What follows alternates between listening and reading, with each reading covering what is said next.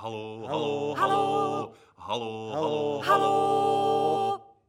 Ypsilonka se ptá, tentokrát Jana Ondera. Sedíme tady na prázdném jevišti uprostřed prázdného sálu. Jak se tu cítíte? Eh, No tak já se tady cítím velmi dobře vždycky. Je pravda, že samozřejmě, když to tady žije hmm. a je třeba před představením nebo se zkouší, tak je tu jako, jako mnohem víc živo, pochopitelně, ale já se tady cítím dobře. Samozřejmě je to trošku smutný, že jsme hmm. tady takhle sami, ale aspoň tak, jako když je tady ten klid a čas, tak já se můžu podívat, jak je to tady vlastně hrozně hezký. Ono je takový barevný, krásný židličky, červený, vypostrovaný. Je to tady opravdu hrozně pěkný a až se to otevře, tak se těším, že to tady zase pojede. Vy jste v Ypsilonce od roku 2017. Eh, Nejen choreografujete, ale taky hrajete.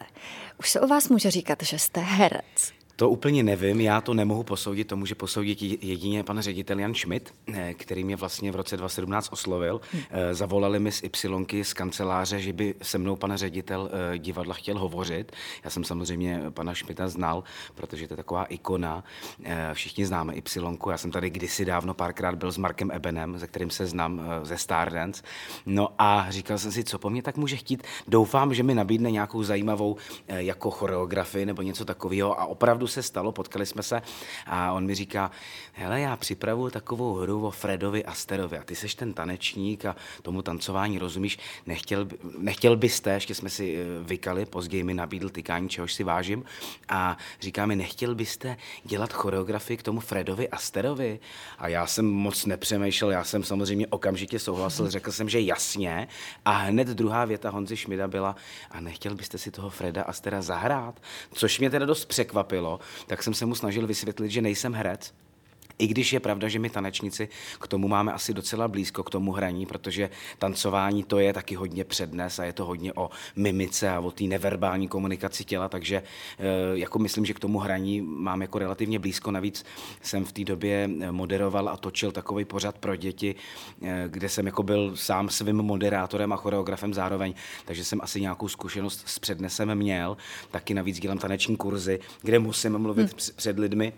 Nicméně jsem z toho měl samozřejmě takový respekt, ale vlastně jako velmi rychle na těch zkouškách jsem zjistil, že bych to snad mohl zvládnout a pamatuju si, že další takový docela náročný úkol, který mi pan ředitel, režisér dal, že se mám naučit písničku. A e, ta písnička se jmenuje Noc a den a vlastně je to taková jako moje osudová písnička. Vlastně mi přihrál vůbec celé to představení Freda Astra hmm. bylo pro mě takový osudový. Za prvý jsem se tenkrát v té době rozcházel se svojí e, dlouholetou přítelkyní, tak, ne, tak to bylo všechno vlastně najednou nový a já jsem začal i v Praze bydlet, protože já nejsem původně Pražák, takže to bylo takový celý všechno jako nový a zvláštní a vlastně vonavý a tady jsem přičuchnul k tomu, e, k tomu takovému heslu, možná už otřepaný frázi prkna, co znamenají svět a ono to opravdu má něco do sebe, mohu to potvrdit. Když někde tančíte nebo moderujete, tak jste sám za sebe, ale tady na těchto prknech, na tomhle jevišti jste v roli, jste někým jiným. Bylo to pro vás těžké si na něco takového zvyknout nebo ne? Já si furt říkám, že tady u toho mikrofonu měl být ještě pan ředitel, jo? protože já vlastně nevím, já nemám tu hereckou školu, jenom tady z Ypsilonky, čehož si vážím, mm. ale e, já vlastně nevím, jestli herec má hrát jako a cítit se úplně ně, někým jiným, anebo jestli má být vlastně vždycky tak trochu sám sebou, jenom najít nějakou tu e, část e, toho svýho já. E, za sebe musím říct, že já vždycky hraju jako já, jako Jan Onder, e, který v tom jako daném okamžiku je sice někým jiným, ale vlastně jsem to pořád já, jako nemám, nemám takový ty pocity schizofrení, že bych opravdu byl Fred Aster. To úplně ne. E, Já bych řekl, že třeba když hraju Freda Astera, tak jako cítím eh, jako za svoji povinnost, když přicházím na to pódium a já teda přicházím až jako někdy po 20-30 minutách, ono se to chvíli hraje beze mě a ni- nikdo vlastně jako neví, že, že se objevím, tak já jako považuji za svoji povinnost přijít s energií já se snažím jako tomu dávat takovou energii nějakou a to jako je taková moje jako povinnost a to si vždycky říkám, teď jsem přišel já a musí se to trošku nakopnout, ale tím nechci říct, že by to předtím tak nebylo, ale eh, dávám do toho prostě takovou jako eh, svěží energii, nebo aspoň se o to pokouším a samozřejmě to souvisí i s těma choreografiema. Mimochodem ty choreografie k tomu Fredovi Esterovi jsou taky hrozně takový speciální a zvláštní. Já bych totiž takovýhle choreografie nikdy neudělal. Já jsem je udělal vlastně zase po konzultaci s panem ředitelem, který opravdu mě geniálně jako, jako režisér naváděl, ale vlastně je to hrozně zvláštní, protože on asi tanečník není, že jo, ale on mě vždycky řekl, co si představuje. Máme tam třeba krásnou choreografii na písničku, která se původně odehrává na lodi, myslím, že to je Slap Dead Bass, myslím, že to říkám dobře. A e, já jsem jako úplně nevěděl, jak to stvárnit a on mi říká, hele, ty si to musíš představit, že seš na té lodi a ona se kejve, jsou tam ty vlny mm-hmm. a různě padáte sem a tam. A vlastně mě tak krásně naváděl, že z toho opravdu vznikly věci, které já bych normálně jako choreograf neudělal. Abych udělal něco jiného. A v té spolupráci bych řekl, že z toho vznikly fakt jako pěkný, zajímavé věci. Já jsem potom tady ještě eh, naskoušel hru eh, Kostky jsou vrženy, to je podsta Jaroslavu Ješkovi. Mimochodem, úžasný génius, to jsem vlastně taky zjistil až tady. Je hezký, že těma hrama se člověk opravdu jako dozví spoustu zajímavých věcí a proto dneska chápu, že herci jsou sečtělí a vzdělaní, protože oni za ten život prostě hmm. naskoušejí miliardu her a vlastně se musí naučit spoustu zajímavých textů, třeba i kvalitních, že jo, nebo většinou kvalitních, takže mě to vždycky jako něčím obohacuje a třeba ty kostky jsou vrženy, tam už ta, ta choreografie zase je úplně jiná, má to zase úplně jinou atmosféru, takže pro mě je to opravdu eh, velký velký překvapení, velký přínos a těším se, že se tady ještě jako e, dožiju nějaký hezký role a nějaký hezký choreografie, protože mě to tady moc baví. Vy jste někde říkal, že v divadle vás omezuje prostor, situace, hudba a hlavně to, že pracujete s herci a ne s tanečníky. Ale paradoxně je to prý pro vás jednodušší. Jak tomu mám rozumět? Eh, no je to jednoduchý. Eh, když vám někdo dá úplně jako volný pole hmm. působnosti, hmm. tak najednou můžete všechno a vlastně úplně jako si nejste jistá a nevíte úplně přesně, co hmm. teda by se jako hodilo. Když má člověk nějaký limity, nějaký omezení, tak je donucený jako pracovat jako pod takovým určitým tlakem hmm. a to většinou z toho vychází potom zajímavé věci. Jo. Člověk, když je jako obecně k něčemu nucený, znám to ze školy třeba, že jo, když máte napsat nějaký referát, a e, máte na to spoustu času, tak ho stejně teda aspoň v mém případě nakonec píšu e, večer předtím, než ho mám odevzdat, mm-hmm. že jo, mhm. klasika. Takže v, v tom divadle, jakoby aspoň jak já jsem to poznal, jsou tady určitý limity a je to dobře, jo, protože z těch limitů prostě vycházejí potom zajímavé věci a co se týče těch herců, tak já jsem si samozřejmě v osobě, když, než jsem přišel do Ypsilonky, myslel, že jako velice dobře cítím hudbu, že ji umím krásně napočítat, krásně naspívat. Tady se hodně choreografie dělají na zpěv, jako jo. E, skákal pes, tak jsou to raz, dva, tři kroky, jo? abych to tak jako e, zjednodušeně řekl. A já jsem si o sobě myslel, že mi to fakt jde, jako naspívat tu melodii, vymyslet ty kroky. A tady jsem byl hrozně překvapený, jak všichni ty kolegové to umí taky. To mě překvapilo, že jsem si říkal, jak je to možný. Oni taky takhle geniálně cítí tu hudbu, nebo geniálně, mm. to bych si fandil zbytečně, ale taky takhle pěkně cítí tu hudbu a jsou vlastně hrozně pohybově šikovní a nadaní. Takže pro mě to byla jako krásná práce, zejména teda ten Fred Aster, protože, jak se říká, nový koště dobře mete a já jsem byl tady byl novej a myslím si, že oni to brali jako takovou, takový nový impuls a myslím si, že po těch letech se tady udělalo jako opravdu takový hodně taneční představení s novým choreografem, tak mám pocit, že je to jako hodně bavilo. Takže tak, nevím, jestli jsem odpověděl na vaši otázku, ale, Já myslím, že ale řekl jsem to. Na jevišti Studia Y si povídáme s tanečníkem, choreografem Janem Onderem a možná uh, kratičký pohled do zákulisí. Vy jste tady, než jsme začali točit, eh, šel uh, za ředitelem Janem Šmídem a říkal jste, já chci roli, já chci výzvu. No, Máte jasně. rád výzvy? No já potřebuju výzvy, já kort v téhle době, že jo, hmm. ještě navíc, jo, natáčíme v době pandemie. Hmm. E, potřebuju výzvu nutně, protože e, sedět doma jako hmm. a e, jako e, přemýšlet si, co bude, to je prostě e, jako věc, která mě osobně zabíjí. Já hmm. potřebuju výzvu a samozřejmě mám rád, když eh, dostávám jakoby eh, úkoly, které jsou pro mě těžký. Jo. Hmm. Samozřejmě logicky eh, udělat nějakou jednoduchou chorošku pro někoho to jsem schopný opravdu dneska udělat velmi rychle, ale naučit se třeba opravdu těžký text, spojit ho s hudbou, naučit se zpívat, eh, to je opravdu jako výzva a proto jsem vlastně i do té Ypsilonky šel. Já jsem v té době v roce 2017 měl opravdu hodně práce. Já jsem dělal Stardance a natáčel jsem pořád v televizi pro děti a dělal jsem kurzy a opravdu já jsem byl až, až přes příliš hyperaktivní. Dneska jsem tomu trochu rád, protože mám aspoň nějaký úspory trochu, jo, protože teď samozřejmě my umělci, ať jsme tanečníci nebo herci nebo zpěváci, zpěváci jako vlastně nemáme žádnou práci.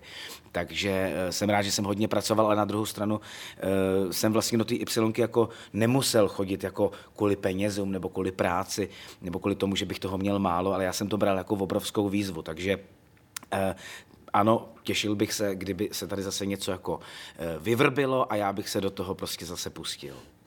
Co vím, tak vy jste vlastně protančil svým dětstvím. Mě by docela zajímalo, jestli jste měl čas na úplně obyčejné dětské blbnutí. Eh, já bych řekl, že jo. Eh, já jsem eh, začal tancovat v sedmi letech. Hmm. Sám jsem to chtěl, Sám jsem přišel domů za rodiči a řekl jsem jim, já bych chtěl tancovat, tady jsem přinesl letáček s takovým tanečním kroužkem, prosím vás, přihlašte mě, no, protože mám hodný rodiče, normální, bezvadný, chytrý, e, takový, jako, řekl bych, jako i moderní rodiče, tak mě samozřejmě řekli, Honzíku, když si to přeješ, tak my tě na ten eh, kroužek budeme vozit.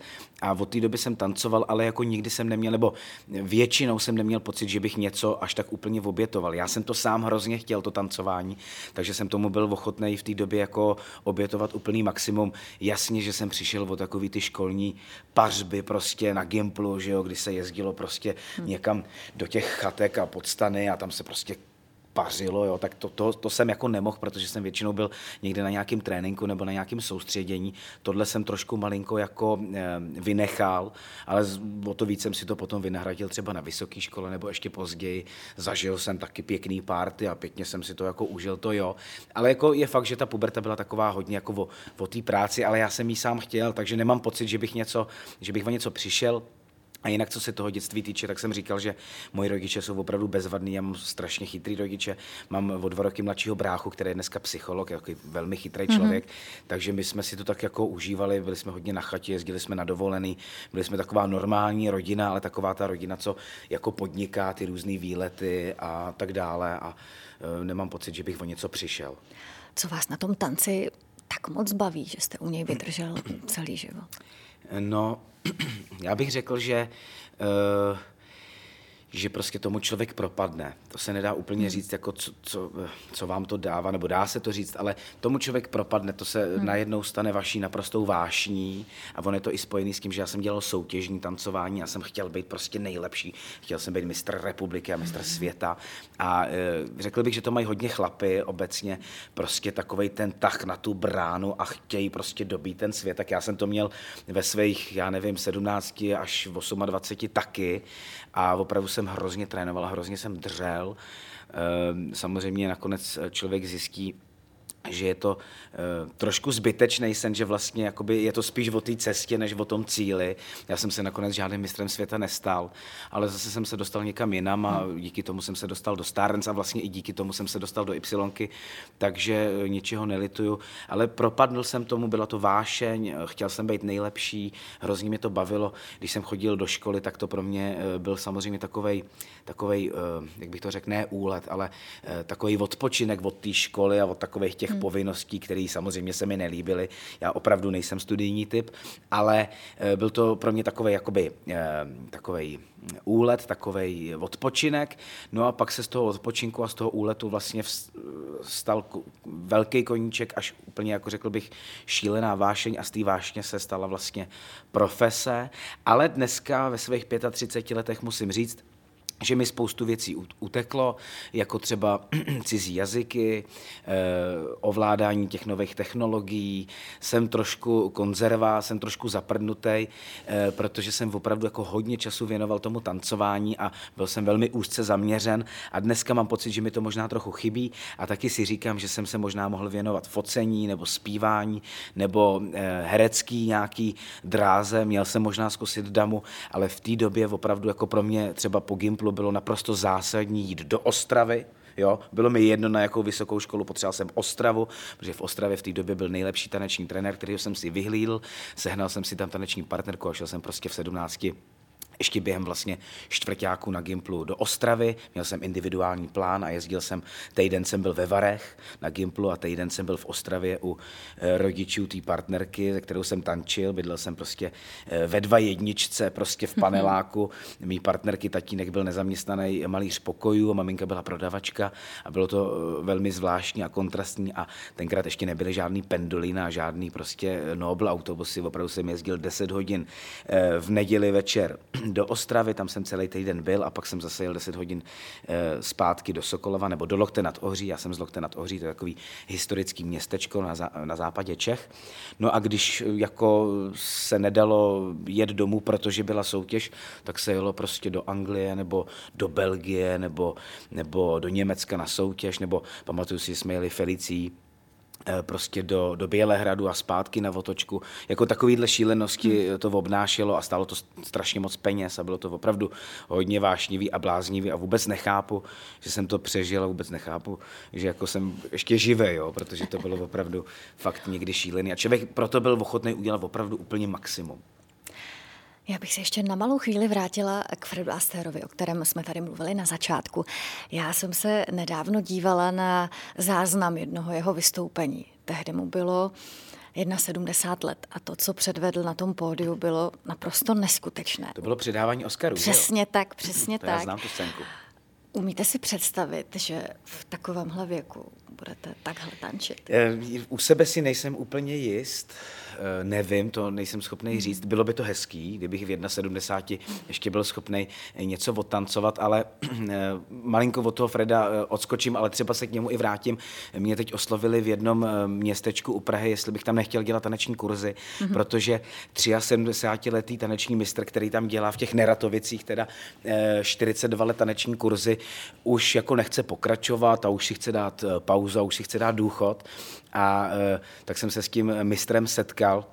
A je to opravdu takový ten klasický taneční mistr, ještě e, takový ten jako staromódní mistr, ale v, do, v tom dobrém slova smyslu. A ten prostě normálně regulérně vyučuje prostě 40-50 mládežnických párů v Neratovicích a dělá super taneční kurzy a má je obsazený a ještě prostě umí hezky tancovat.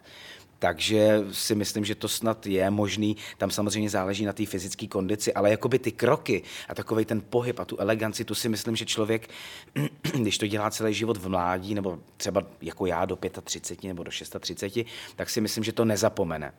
Ale abych se vrátil k tomu Fredovi Asterovi, tak to byl samozřejmě naprostý genius. Já jsem o něm vždycky věděl, ale až vlastně během toho představení jsem se o něm dozvěděl ty zajímavosti. A zase musím jako říct, že eh, ten náš pan ředitel eh, jako si ho geniálně vyrešeršoval, vlastně si našel opravdu neuvěřitelné zajímavosti, který ví možná málo kdo.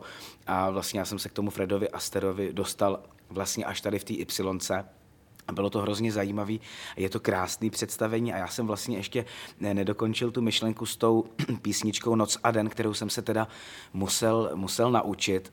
A to se možná tady v Y neví, že já jsem se tu eh, písničku učil, takhle oni po, po, mně původně chtěli vlastně v angličtině.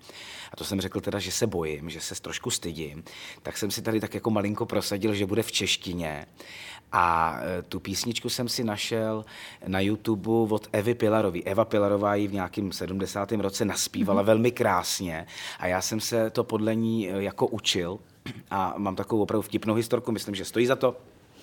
Měl jsem nějaké vystoupení na nějakém plese před pár lety a potkal jsem se tam s Evou Pilarovou a ona měla takovou zvláštní zálibu, že sebou nosila takový docela už starodávný digitální foťák, takový jako 10-15 letý foťáček mm-hmm. a s těma lidma, kteří taky účinkovali na těch akcích, se vždycky vyfotila, vzala si e-mail a ty fotky naposílala. A já, protože jsem se v té době učil tu písničku Noc a den podle ní, ta, a ona se se mnou chtěla vlastně vyfotit, jako, jako taky s účinkujícím, tak jsem jí poprosil, jestli by se se mnou eh, nemohla, jestli by si se mnou nezaspívala kousek té písničky Noc a den na Instagram. Já jsem na natočil, jak se to dneska dělá, to selfiečko, mm-hmm. ten telefon a opravdu ona velmi ochotně si se mnou zaspívala Noc a den, bez tebe jsem, noc A byl jsem překvapený, že si to za prvý tak skvěle pamatuje byl jsem překvapený, jak krásně se ke mně tak jako naladila, pač já opravdu nejsem žádný zpěvák, ale mám, řekl bych, geniální vyústění téhle historky, kdy, já nevím, 14 dní, 3 týdny na to mi přišel e-mail od Evy Pilarový. Milý Honzo, doufám, že vás takhle mohu oslovit.